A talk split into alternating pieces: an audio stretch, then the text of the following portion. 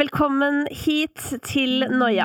I denne episoden skal du få høre fra en som kanskje er mest kjent for å være en av Norges kuleste artister. Men i tillegg til det kule ytre, så bærer Myra på en uro inni seg. Hun har hatt en helt spesiell oppvekst hvor hun har vært nødt for å tilpasse seg og vært redd for å være til bry. Etter hvert ble dette vanskelig å holde inni seg, og i dag skal du få bli bedre kjent med Regina, som hun egentlig heter, og hennes historie.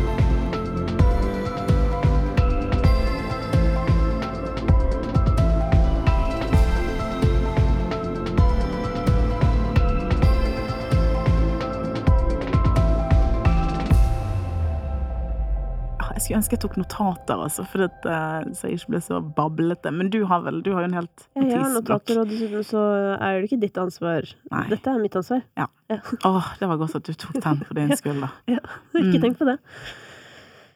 Kjære Regina, Ja, hjertelig velkommen hit. takk for at jeg får være her. Ja, du, du har jo hatt en eh, ganske sånn intens periode i livet ditt de siste ukene. Jeg har så. Ja. Mm. Hvordan har du det nå? Jeg har det ganske bra, em, men jeg går liksom litt rundt og er redd for at eh, jeg liksom bare overbeviser meg selv om at jeg har det bra. Vi er vant til å se deg eh, rimelig rå på scenen. Ja. Eh, du gir ut eh, fete rapplåter. Mm. Um, men så er du her i dag for å snakke om angst. Ja, tenk det, da. Ja. At, uh, at jeg gjør det. jeg ble sjokkert over, over det sjøl. Men uh, jo, jeg er jo veldig um, glad i å liksom I den rollen jeg inntar litt som Myra, selv om det er en stor del av meg eh, som person, så er det som å gi, som, gi litt sånn slipp på um, på, på meg sjøl. Mm. Uh, det, det er vel egentlig den beste måten jeg kan si det på. Gi liksom slipp på alt, alt som ikke har med akkurat liksom musikk og rapptekster og være fet og, og så videre og så videre. Mm.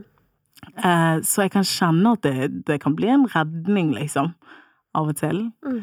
Um, men jo, jeg tror nok at uh, jeg Jeg tror jeg nesten har akseptert at jeg vet ikke, angst er liksom en del av det òg, egentlig. Mm. Um, ja. Men um, musikken har du jo egentlig ikke holdt på med sånn veldig, veldig lenge. Uh, mens angsten derimot har kanskje vært til stede lenger. Det har han. Mm. Når var det du liksom kjente på det første gang? Um, jeg tror jeg kjente på Eller når jeg skjønte hva som på en måte var At det var noe med meg da. Jeg tror først, det var første gang um, jeg fikk et angstanfall. Uh, og dette ble jo, ja, 10. mai, liksom. Jeg uh, hadde um, røykt litt med noen venner når jeg var 16. Um, og hadde ikke gjort eh, noe sånt før. Og var egentlig, jeg, jeg er egentlig veldig redd av meg, av sånne ting. Jeg er redd for å ta Paracet, liksom. Um, veldig redd for rusmidler. Um, og så gjorde jeg det da jeg var 16. Og man er jo veldig forskjellig. Noen tåler det bedre enn andre. Uh, og jeg vet jo nå at jeg hadde underliggende angst og var litt, holdt på å si, hadde veldig uh, nerver. Men det visste jeg ikke da. Eh, så under liksom, etter at vi hadde røykt da, så følte jeg plutselig at jeg liksom satt fast i en vinkel. eh, Og ikke klarte å svinge jeg, ikke jeg følte ikke at jeg klarte å svinge meg til høyre. Jeg klarte ikke å svinge kroppen til venstre. Det var helt rart. Og så var det som det liksom bare Det var en skrekkfilm i hodet mitt. Og det var hjertebank, og det var som å liksom Du vet når man ser en skrekkfilm på, ja, på skjermen, og det er sånn hjertebank, og det er sånn heavy pusting og sånn. Det var som jeg sto inni det. Og eh, ja, føltes som hjertet mitt liksom falt ut av brystet. Og jeg, jeg eh, fikk helt Altså, det var et eh, ja, skikkelig, skikkelig anfall. Um, drev og hamret på en bildør og spurte om noen kunne hjelpe meg, og eh, måtte til slutt på legevakten, der jeg liksom uh, måtte videre til Haukeland, um, og lå der eh, den natten, da. Uh, og skjønte jo ikke hva som hadde skjedd. Jeg trodde jo at jeg var døende, liksom. At jeg, no, no, det var slutten. Um, og etter den um, uh, ja, den episoden der, så, var, så skalv jeg liksom i to uker, tror jeg. og uh, var veldig redd for å gå ut. Jeg visste jo ikke Jeg var så redd for at det skulle skje igjen, så jeg fikk liksom, liksom angst for angsten, da. At det var så eh, Så det lengste jeg turte å gå ut på to uker, var vel liksom rett utenfor huset for å få litt frisk luft. At det var så skummelt, da. Mm. Det var som å leve i konstant frykt um, for noe jeg ikke skjønte. Um, og så var det egentlig uh, Jeg tror jeg skjønte sjøl at det, altså etter hvert at det var angst. Jeg snakket liksom aldri med noen om det. Um, men uh, i etterkant så tenkte jo jeg bare sånn i hvert fall etter at jeg våknet på Haukeland, så tenkte jeg sånn ok, nå, nå har jo det klikket, liksom. nå er det rett. Jeg så jo for meg liksom eh, eh, sånn her eh, eh, Hva heter det da? Sånn psykisk eh, eh, Altså mentalsykehus? Ja, mentalsyke. Ja, jeg så jeg bare sånn her herlig. Altså, nå er det eh, Nå har det totalt liksom klikket, og nå Jeg så for meg en sånn, en sånn fremtid, da. Mm. Um, og så for meg at jeg aldri kom til å bli frisk igjen. For jeg trodde jo at det var noe galt med meg. Jeg, skjøn, jeg visste ikke at dette var noe som mange slet med. Uh, jeg trodde jo at jeg var en av de liksom fortapte sjelene som da hadde, hadde det her, da. Hadde angst og hadde panikk, liksom. Ja, det er jo dessverre sånn det kan oppleves litt. Mm, Veldig, at man er veldig alene med det. mm. Men øhm, etter dette hadde skjedd, hva, hva gjorde du på en måte i, i ukene og dagene etter? Altså, sa du det til noen? Eh, Fikk du liksom snakke med noen? Fikk du noe kunnskap om hva som hadde skjedd? Nei, ikke som jeg på en måte kan huske. Um, akkurat da Jeg har jo også en uh, lang historie med flytting fra uh, ymse institusjoner og som barn, barnehjems og uh, fosterhjem og sånn. Og akkurat på den siden så hadde jeg vel nettopp flyttet inn um, i en ny familie. Um, og det er jo uh, folk som på en måte har opplevd det, kjenner vel på en sånn her um, enorm sånn prestasjons... Altså når du kommer inn et nytt sted og liksom krysser fingrene for at det funker, og her skal du liksom ta Tilpasse deg, da. Uh, og da var det liksom ikke så veldig stor plass for meg å i, i mitt hode å snakke om meg sjøl, da. For da skulle jeg liksom eh, begynne å leve litt i deres hverdag. Um, og dette skjedde vel rett før jeg flyttet inn der, og de visste vel liksom hva som hadde skjedd, men det var liksom ikke noe som vi snakket om, da. Men eh, det du forteller om din bosituasjon, da, Mm. eh, er jo også en viktig del av din historie. Ja. Eh, Og for de som ikke kjenner deg og har hørt dette tidligere, kan du ikke fortelle hva som er på en måte din historie? Ja. Åh, gud, den er lang, altså.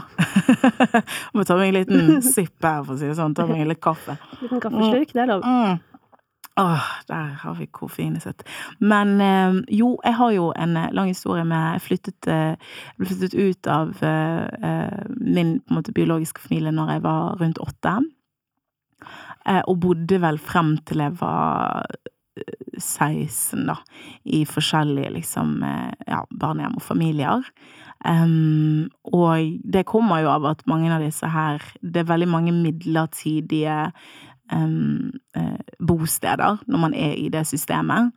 Um, og så kommer det veldig an på om det funker, da, selvfølgelig. Det er jo noe med det der, og man kan jo bare tenke seg det å komme inn i eh, Ja, i, i en gruppe hvor man utgangspunktet ikke føler at man tilhører, da. Så du kan Også- jo bare tenke deg å begynne på en ny skole, liksom. Ja, ny og så er det sånn at du skal flytte i en, en Ja. familie, Mm. og sove der og bo der 24-7. Å være liksom Og skli inn så godt man kan. Og for hver altså, flytting så skifter jeg også skole, så det var liksom Det var mye nytt på en gang. Og så tror jeg at det gjorde meg veldig eh, tilpasningsdyktig, selvfølgelig. Um, men det gjorde jo at jeg gikk på tær mye. Jeg husker jo meg sjøl som en veldig utadvendt uh, jente. Jeg var veldig utadvendt og høylytt og, og sporty og sånn. Uh, men jeg kan Jeg tror nok at jeg alltid hadde mye uh, nerver, da, og frykt, som jeg ikke har skjønt hva var før jeg ble voksen. Um, og så tror jeg det å gå rundt på steder hvor man ikke føler seg bekvem, gjør at man liksom man er anspent mye, og er redd mye, da. Er redd mye for liksom For det som også kunne skje, var at jeg akkurat hadde liksom blitt eh, komfortabel et sted, og så kommer det en eller annen saksbehandler på døren dagen etter, og så må du flytte, liksom. Så Ja, det er, sånn, det er bare så fælt, fordi du sitter jo her nå, på en måte, og, og snakker om tiden som har vært, men det er jo også noen mennesker sin tid nå. Mm. Um, og det Ah, gjør det, meg Jeg gråter ikke fordi jeg er lei meg, det er, bare, det er selvfølgelig litt eh, trist å snakke om. Men Ja, selvfølgelig, det sier jo seg selv, og også det du beskriver med dette her at du det, Dette med å gå på tå, da. At man vil Du vil så gjerne passe inn, Mm. og du vil på en måte ikke være i veien. mm. Um, Ja, ja.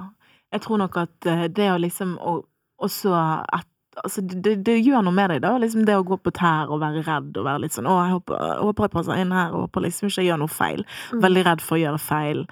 Um, og så gjør man seg litt sånn uh, liten, da. At jeg gikk liksom rundt og gjorde meg veldig liten, sånn at jeg på en måte ikke skulle synes, nesten. Mm. Nei, så jeg tror jo at angsten min liksom Jeg tror nok at den alltid har ligget underliggende, men eh, den ble vel eh, på en måte, ja Verre og verre helt til den på en måte slo ut når jeg var 16. Mm. Og da visste jeg jo ingenting om, om angst.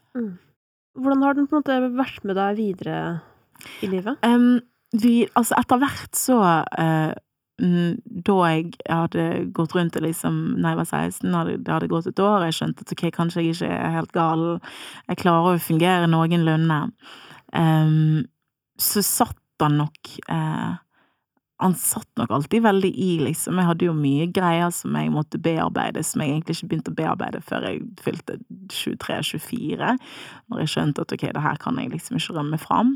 Alt var nå veldig nylig. Ja, altså, jeg er 25.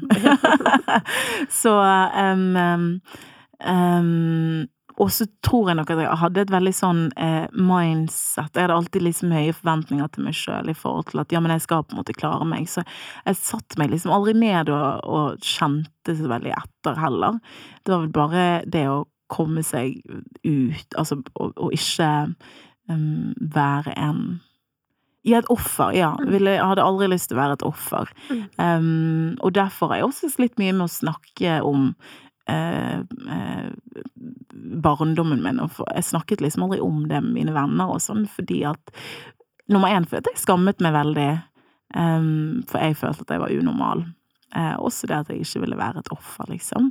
Og så har jeg innsett nå at det er jo ikke eh, Man er jo ikke et offer fordi at man snakker, for at man snakker om det det har vel liksom eh, vært med meg siden. Det var vel kanskje på sitt verste eh, når jeg begynte med musikk i 2017, eh, som er et år som jeg faktisk måtte fjerne Altså, jeg klarer så vidt å se bilder fra det året, fordi at jeg eh, vet sjøl hvordan jeg hadde det. Eh, jeg kom inn i eh, musikkhverdagen veldig brått. Um, og det var som å falle ut av sitt eget hode, liksom. Det var um, frykt for liksom eh, For da fikk liksom folk forventninger til meg. Når jeg uh, slapp Holland, så syns jeg det var spesielt at folk behandlet meg som jeg visste hva jeg gjorde, da, eller som jeg liksom eh, kunne noe som helst, da. Um, og da fikk jeg vel en sånn her og jeg kan ikke skuffe disse menneskene, altså folk jeg ikke kjente engang. Det var bare sånn, nå må jeg bare eh, Og inni alt det så bare eh, satte seg en sånn her frykt og angst i meg som var eh, kanskje noe av det verste jeg har kjent på hele mitt liv, da. Går det an å si noe om hva på en måte frykten handlet om? Jeg var sånn redd for å bli satt gjennom det, eller bli tatt i en eller annen bløff, eller, det, eller folk skulle liksom Jeg var sikker på at folk liksom bare uh, At alt var falskt, uh, og at folk egentlig hatet meg, liksom. Ja, det var bare en klump i magen min et helt år. Uh, hvor jeg bare følte at jeg um, Og dette med angst, det som skremmer meg, eller det som jeg syns er mest skummelt med angst, er at jeg føler at jeg mister kontroll. Um, og jeg har vel et lite kontrollbehov um, uh, fordi at jeg ikke har følt at jeg har hatt så mye kontroll over um, mitt liv tidligere. Og jeg tror jo at det som skjedde i 2017, var at jeg følte at jeg mistet litt sånn kontroll over hvem som så inn i mitt liv, og ting som jeg følte at jeg måtte skjule, eller um, uh, så ja, og plutselig så var det mange øyne på meg, og jeg følte vel at å, nå må jeg skjule hvem, hvem folk egentlig ser meg som, så hun der, ja, trøblete, du vet. Um, så det var vel, ja, en frykt for å bli liksom gjennomskuet. Mm. Uh, det var bare, det, jeg var sikker på at um, når de bare har sett den ekte jeg som var den jeg var. Mm. Uh, men jeg var overbevist om at hvis noen bare ser den ekte meg, eller vet liksom om liksom fortiden min og barndommen min og sånn, så, det, så kommer de liksom til å få et helt annet inntrykk av meg. Da, da er ikke jeg eh, noe bra lenger. Vi skal bevege oss litt fremover i tid snart, men ja. først så skal vi ønske velkommen til psykologen vår, Karina Kall. Velkommen hit. Takk. Hvordan er det å høre Myra fortelle? Det er en ekstremt sterk historie, ehm, og jeg sitter her og er rørt. Og jeg kan si mye, men det jeg får lyst til å fokusere på, er at jeg får så inderlig lyst til å gå inn og omskrive historien du skriver om deg selv. Eh, for det er jo naturlig nok barnet i deg som har tolket og, og laget din, ditt narrativ om, om hvem du er og har vært. Og så sitter jeg utenfor og hører. Jeg skulle ønske du kunne se deg selv gjennom mine øyne. For jeg tenker noe helt annet. Jeg tenker at jeg får dyp respekt. Jeg tenker at du har noe å lære verden gjennom din historie, og at det du har med deg, på mange måter også gjør deg til den du er, på en god måte, på en fin måte, som jeg tenker at kan brukes, kan løftes frem. Men Regina, altså, dette her med å, å, liksom skamme seg, da, over mm. liksom det du kommer fra, mm. og det du har opplevd. Mm. Um, er det noe du har på en måte tenkt mer på nå i senere tid? Um, jeg skammer meg ikke noe særlig. Nå, nå, har jeg snakket om det så mye, jeg holdt på å si, offentlig, at det, det er ikke vits. Og, og skam er jo liksom aldri en god følelse. Altså, det er aldri en nødvendig følelse. Man skal aldri skamme seg. Man kan godt angre på ting og så videre, men skam er en så et veldig ensomt rom, da, for det er kun en sjøl som kjenner på det, og det er bare en undertrykkende følelse. Jeg tror jeg skammet meg mye for fordi at jeg, jeg, så på min konstellasjon rundt meg som, som feil. Hvorfor eh, er ikke jeg bare normal, mm. sånn som de andre, liksom? Mm. Um, men jeg tror jo også at jeg har et veldig stort uh, hjerte for å for andre som Jeg tror at selv om man ikke hadde levd akkurat det livet jeg har levd, og vært i barnevernssystemet og vært liksom eh, rundt omkring sånn som jeg har, eh, så kan man likevel leve med eh, de samme type sårene eh, i forhold til sånn avvisning eller frykten for å liksom bli forlatt og tilknytningsvansker og så videre. Det er jo noe med det at sånn uh, uansett hva utfordringen din er, om det er på en måte angst eller rus eller Det kan være så mangt, da. Og så skal du bære på skammen i tillegg, så blir ja. det på en måte veldig ekstra belastning. Mm. Uh, og at hvis vi kanskje hadde hatt litt mindre av det, så hadde det kanskje vært litt lettere å angripe det som faktisk er problematikken. Mm. Og skam er jo dessverre en veldig sentral del ved de aller fleste psykiske lidelser, mm. og kan hindre oss i stor grad i å få det bedre. Det kommer så i veien. Det er jo noe vi alle har, og på mange måter så kan man også Vi kan jo gå inn i detaljer i skam og si er det konstruktivt eller ikke, og, og, men man kan snakke om det som en grunnfølelse mm. som har en funksjon, i den forstand at eh, det hjelper oss å holde oss på matta overfor andre mennesker. Mm. Og for deg, da, som skulle tilpasse deg nye fosterfamilier, eh, nye settinger, det å være, ha et blikk på deg selv, hvem er jeg i denne mm. eh, Det er jo en konstruktiv tilnærming, fordi at da øker du sannsynligheten din for å oppleve tilhørighet, for å være en del av, som er helt grunnleggende for oss mennesker. Mm.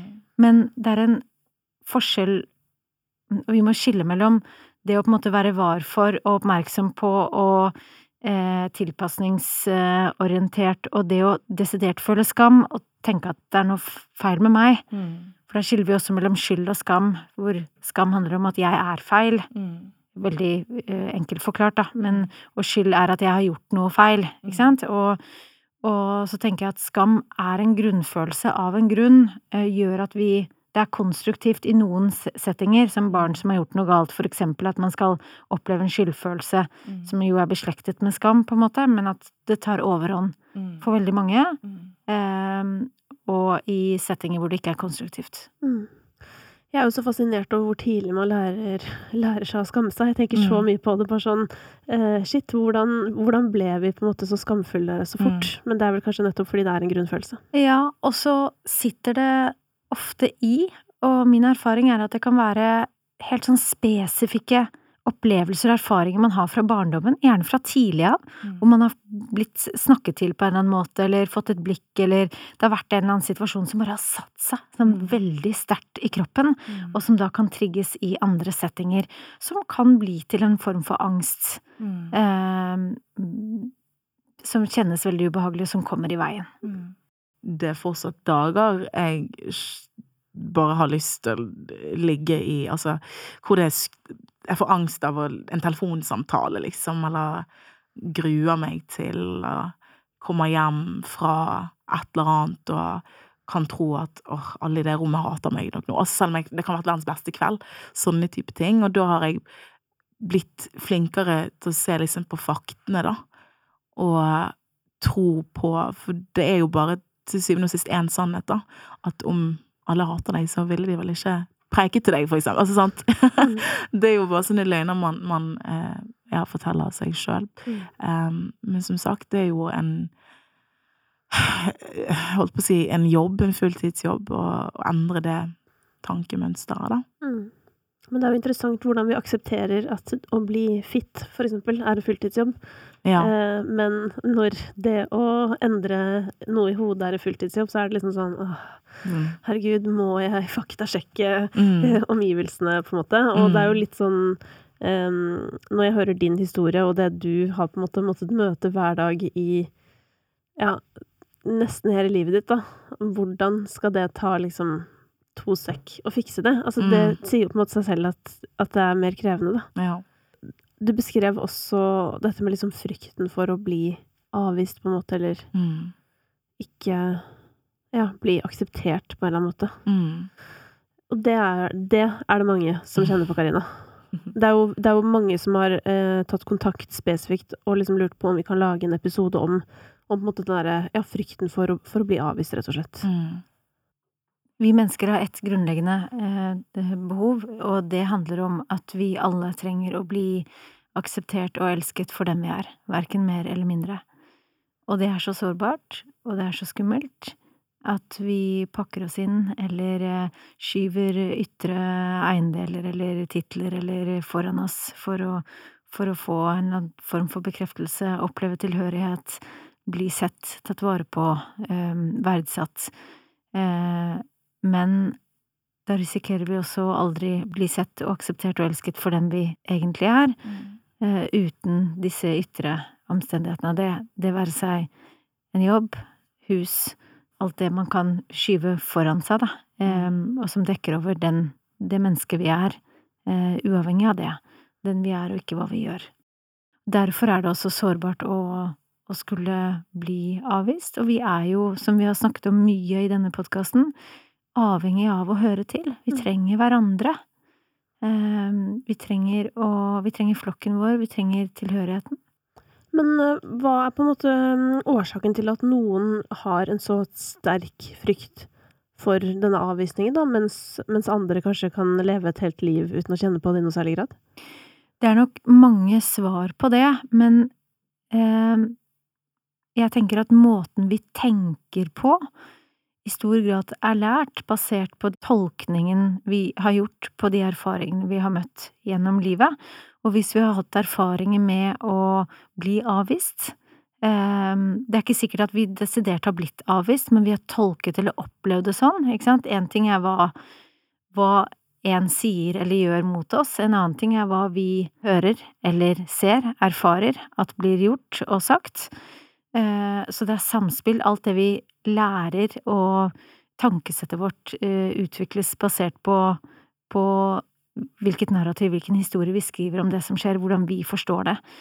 Eh, og det skjer i samspill med andre mennesker. Så erfaringene våre påvirker oss, og, og min erfaring da er at mange som som har en veldig sterk frykt for avvisning, nettopp har én eller flere erfaringer som peker i den retning. Mm. Og da kan man jo si at, eh, at angsten på en eller annen måte eh, jo er forståelig, det gir mening, men kroppen forteller deg ikke at nå er du i en annen setting, og nå er du voksen, eller nå er du eh, Alarmen går når det er situasjoner eller personer som ligner. Det er veldig fascinerende det du sier om at det kan komme av opplevelser. Jeg tror jo at jeg alltid har liksom kjent på å ikke være førstevalget til mine venner, liksom. Hvis du skjønner, sånn på ungdoms... Jeg var jo ikke den kuleste der, jeg var jo ikke liksom og det, det, er jo så trist å snakke om at liksom, ungdomsskolen, som egentlig bare er et sykt eh, syk periode for oss alle, liksom, som bare er masse følelser og masse hormoner og sånn. Men å kjenne på at man liksom ikke er helt eh, førstevalget, eh, fortsatt sitter litt sånn i. Men Karina, du eh, snakker jo om dette her med, med, å skrive historien sin på nytt, på en eller annen måte, og det er jo noe som er aktuelt for ganske mange, tenker jeg. Og hvordan i alle dager begynner man på en sånn oppgave? Nå kan jeg snakke lenge, Kristine. Jeg skal ikke gjøre det, men dette er jo noe av det jeg brenner for, og kanskje noe av det som jeg syns er aller mest givende og drivende for meg i terapeutisk øyemed, fordi at vi nettopp alle skriver vår egen historie om oss og den vi er, og ofte i ganske negativ eh, betydning og forstand. Der tenker jeg at det alltid ligger styrker, kompetanser og andre måter å se historien på som kan gjøre at vi endrer det grunnleggende synet vi har på oss selv, og, og også andre mennesker eller verden som sted å være, hvis det er relevant. Men ofte så handler det jo om den måten vi grunnleggende tenker om oss selv. Mm. Og da kan vi gå inn og se på ok, hva er den, hvilken historie skriver du om deg, hva er nøkkelerfaringen du har med deg, hvordan har det påvirket ditt grunnleggende syn på, på deg. Hvordan har du håndtert det? Eh, og da pleier jeg ofte å gå inn og, og, se på leveregler, det er standarder for hvordan ting skal være. Og de levereglene handler ofte om aksept, kontroll og prestasjon. Så hvis jeg tenker at jeg eksempelvis ikke er god nok, og frykten for ikke å være god nok og ikke ha verdi, eh, det er de vanligste grunnleggende måtene å tenke om seg selv på. Og da er det jo konstruktivt å tilpasse seg, for eksempel med at øh, ja, hvis jeg er flink, da, øh, eller hvis jeg er snill, så er det ingen som finner ut eller så vil jeg likevel høre til, eller så er, Så levereglene har en funksjon i å dekke over grunnsynet, sånn at man man likevel opplever en, en form for tilhørighet. Og så kan man ha, ha det bra eh, lenge, inntil man møter et tidspunkt i livet hvor, hvor, det blir vanskelig å leve opp til de standardene man har laget for seg selv, for eksempel å være så flink, man får ikke ting til på samme måte, og da tror man at ja, men jeg er ikke god nok, da blir grunnsynet aktivert, og det er da veldig mange oppsøker terapi, for eksempel. Da kan man gå inn og jobbe med det, og så se på den tidligere historien og, og naturlig forstå hvorfor man har utviklet det synet på seg selv, og da gå inn og se på alternative forklaringer, hvordan det har vært god tilpasning, men, men hvordan man kan forstå det som har skjedd på en ny måte. Vi er jo mange som har en mye mindre eh, dramatisk eh, oppvekst og historie enn Regina. Men det kan være disse små hendelsene i livet hvor du har blitt møtt på en måte som virkelig har satt spor. Uh, og hvor du har kanskje endt opp med å ja, fortelle deg sjøl at du er, jeg er ikke bra nok, på en måte. Og det som blir vanskelig da, er jo at hver gang uh, livet går deg imot, så er det så lett å vende tilbake til forklaringen 'jeg er ikke bra nok'. Og det jeg lurer på, er jo på en måte hva hva er en alternativ forklaring i en sånn type situasjon? Hvordan kan man på en måte komme seg bort fra å alltid gå tilbake på den negative forklaringen og skylde på seg selv? Først så må man jo være bevisst om hva som skjer.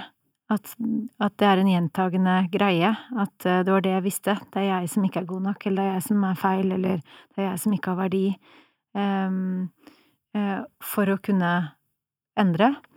Uh, og da spørre seg selv, som du så fint sier, Kristine, kan det være andre forklaringer? Kan det være forklaringer som ikke har med meg å gjøre også? Um, hvis dette hadde vært en annen person, en god venn for eksempel, hva hadde jeg tenkt om det samme da? hvordan, hvordan ser det egentlig ut utenfra? Um, det kan hende at man også kan spørre omgivelsene, hvis man har en fortrolig eller to. Um, hvordan ser de situasjonen? Og dele hvordan man selv tenker om, om, situasjonen. At man selv tenker at det har med en selv å gjøre, at jeg ikke er god nok eller ikke har verdi, eller det var det jeg visste. Dette blir et bevis for at Og der er det også viktig å vite at hjernen vår er biased, det vil si at vi ser det vi tror. Så hvis vi går rundt i verden med noen briller som som handler om at jeg er ikke god nok, så er det også det vi, vi vil samle beviset for.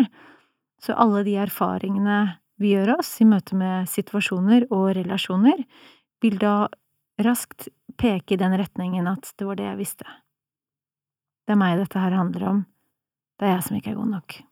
Ja, dette er jo Dette burde vært pensum. Ja. Det kan være ganske interessant, da, og, og til lytterne våre, å tenke over Har du noen gang tenkt over hvordan du grunnleggende ser deg selv? Hvordan påvirker det den måten du møter andre mennesker på, møter situasjoner i hverdagen, og hvis du hadde vært fristilt den grunnleggende historien du skriver om deg, hvordan hadde du hatt det da?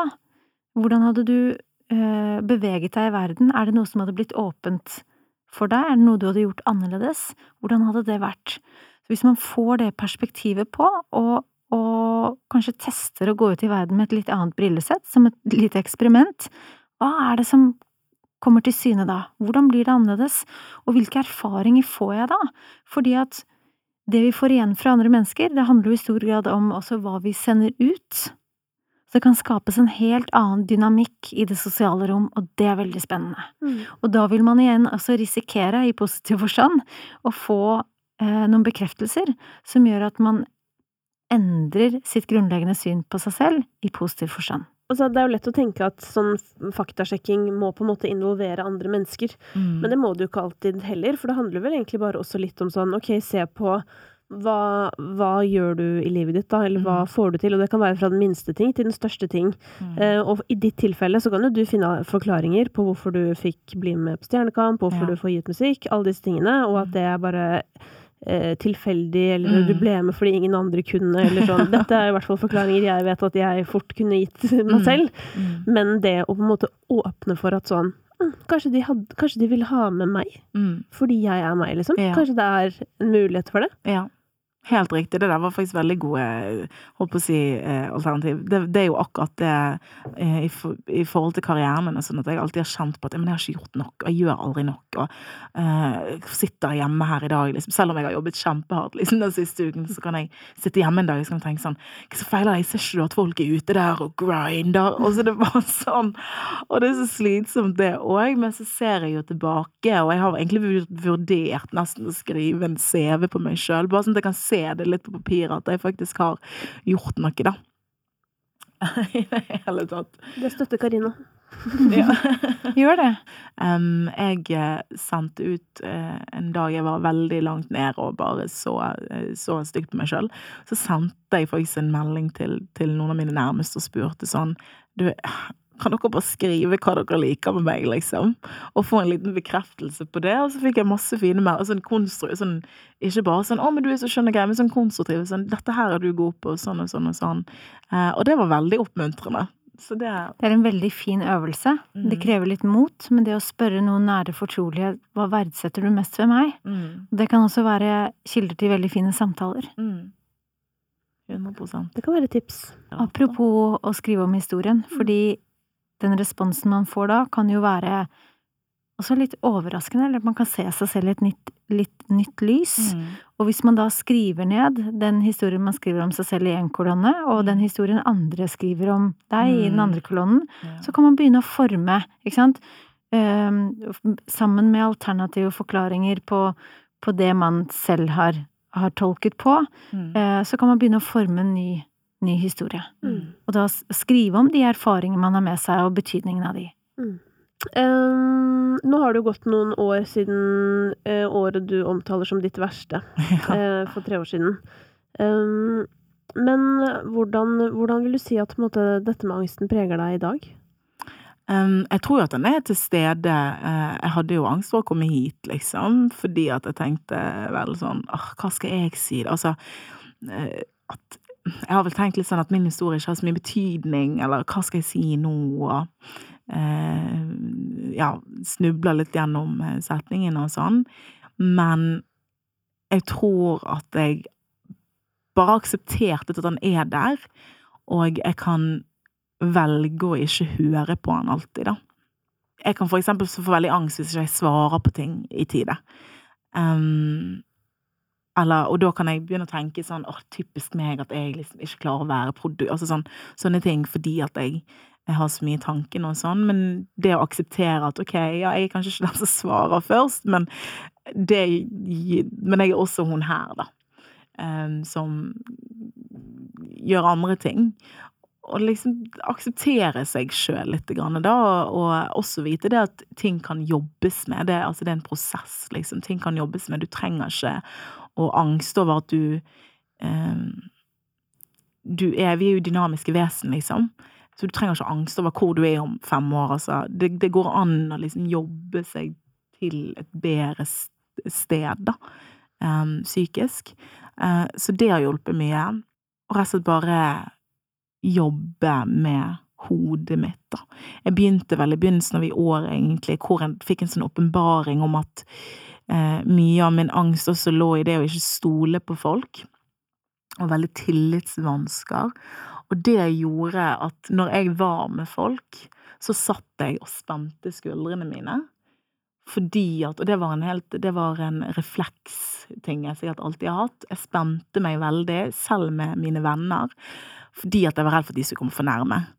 Um, og ja, når det gikk opp for meg uh, helt plutselig i begynnelsen av året, så skjønte jeg også at ok, litt av angsten min, i hvert fall den sosiale angsten min, bunner litt i det med tillit. Eh, å finne ut sånne ting, da, og vite at ok, nå har jeg så angst for, på grunn av at jeg ikke tør å, tør å slippe dette mennesket helt inn. Og da skjønner jeg hvorfor han er der. Å forstå, da. Vi har jo et behov for å liksom forstå. Um, så det er vel liksom sånne små dører og koder man knekker litt om seg sjøl og sine ja, hva man, hva man sjøl liksom sliter med, og ting man kan forbedre seg på, som har gjort at jeg i hvert fall eh, har fått det bedre. Um, men det å dra seg sjøl opp fra et dårlig tankemønster er jo som å liksom dra seg sjøl opp av et dype med to mursteiner på beina, liksom. Det er drittungt. Men etter hvert, og det tok i hvert fall sånn tre måneder før jeg kjente at min eh, eh, eh, eh Hva skal jeg si min, min, første tanke ikke var negativ, altså om meg sjøl, da. Mm.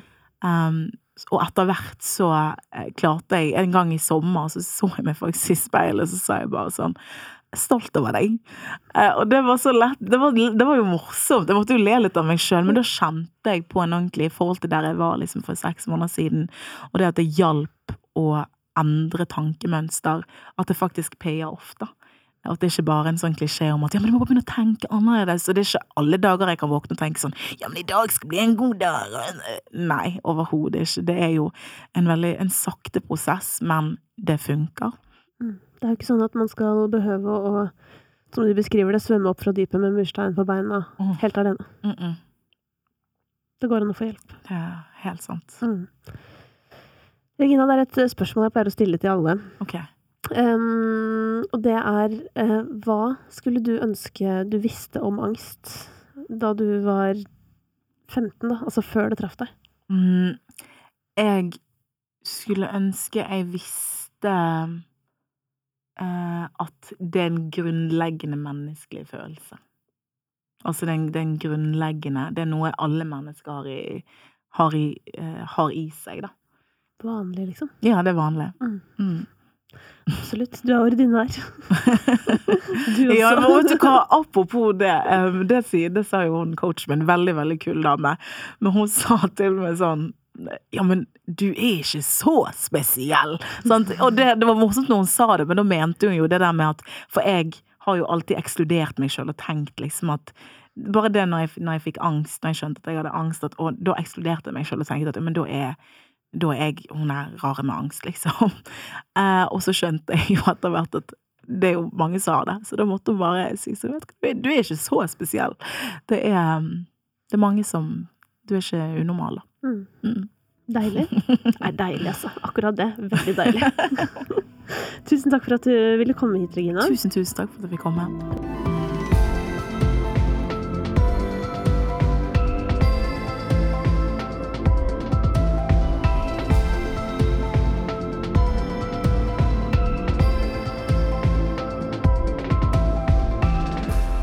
Tusen takk til deg som hører på Noia podkast. Fortell oss veldig gjerne hva du syns via vår Instagram eller Facebook, og tips oss veldig gjerne om hva du vil høre mer av.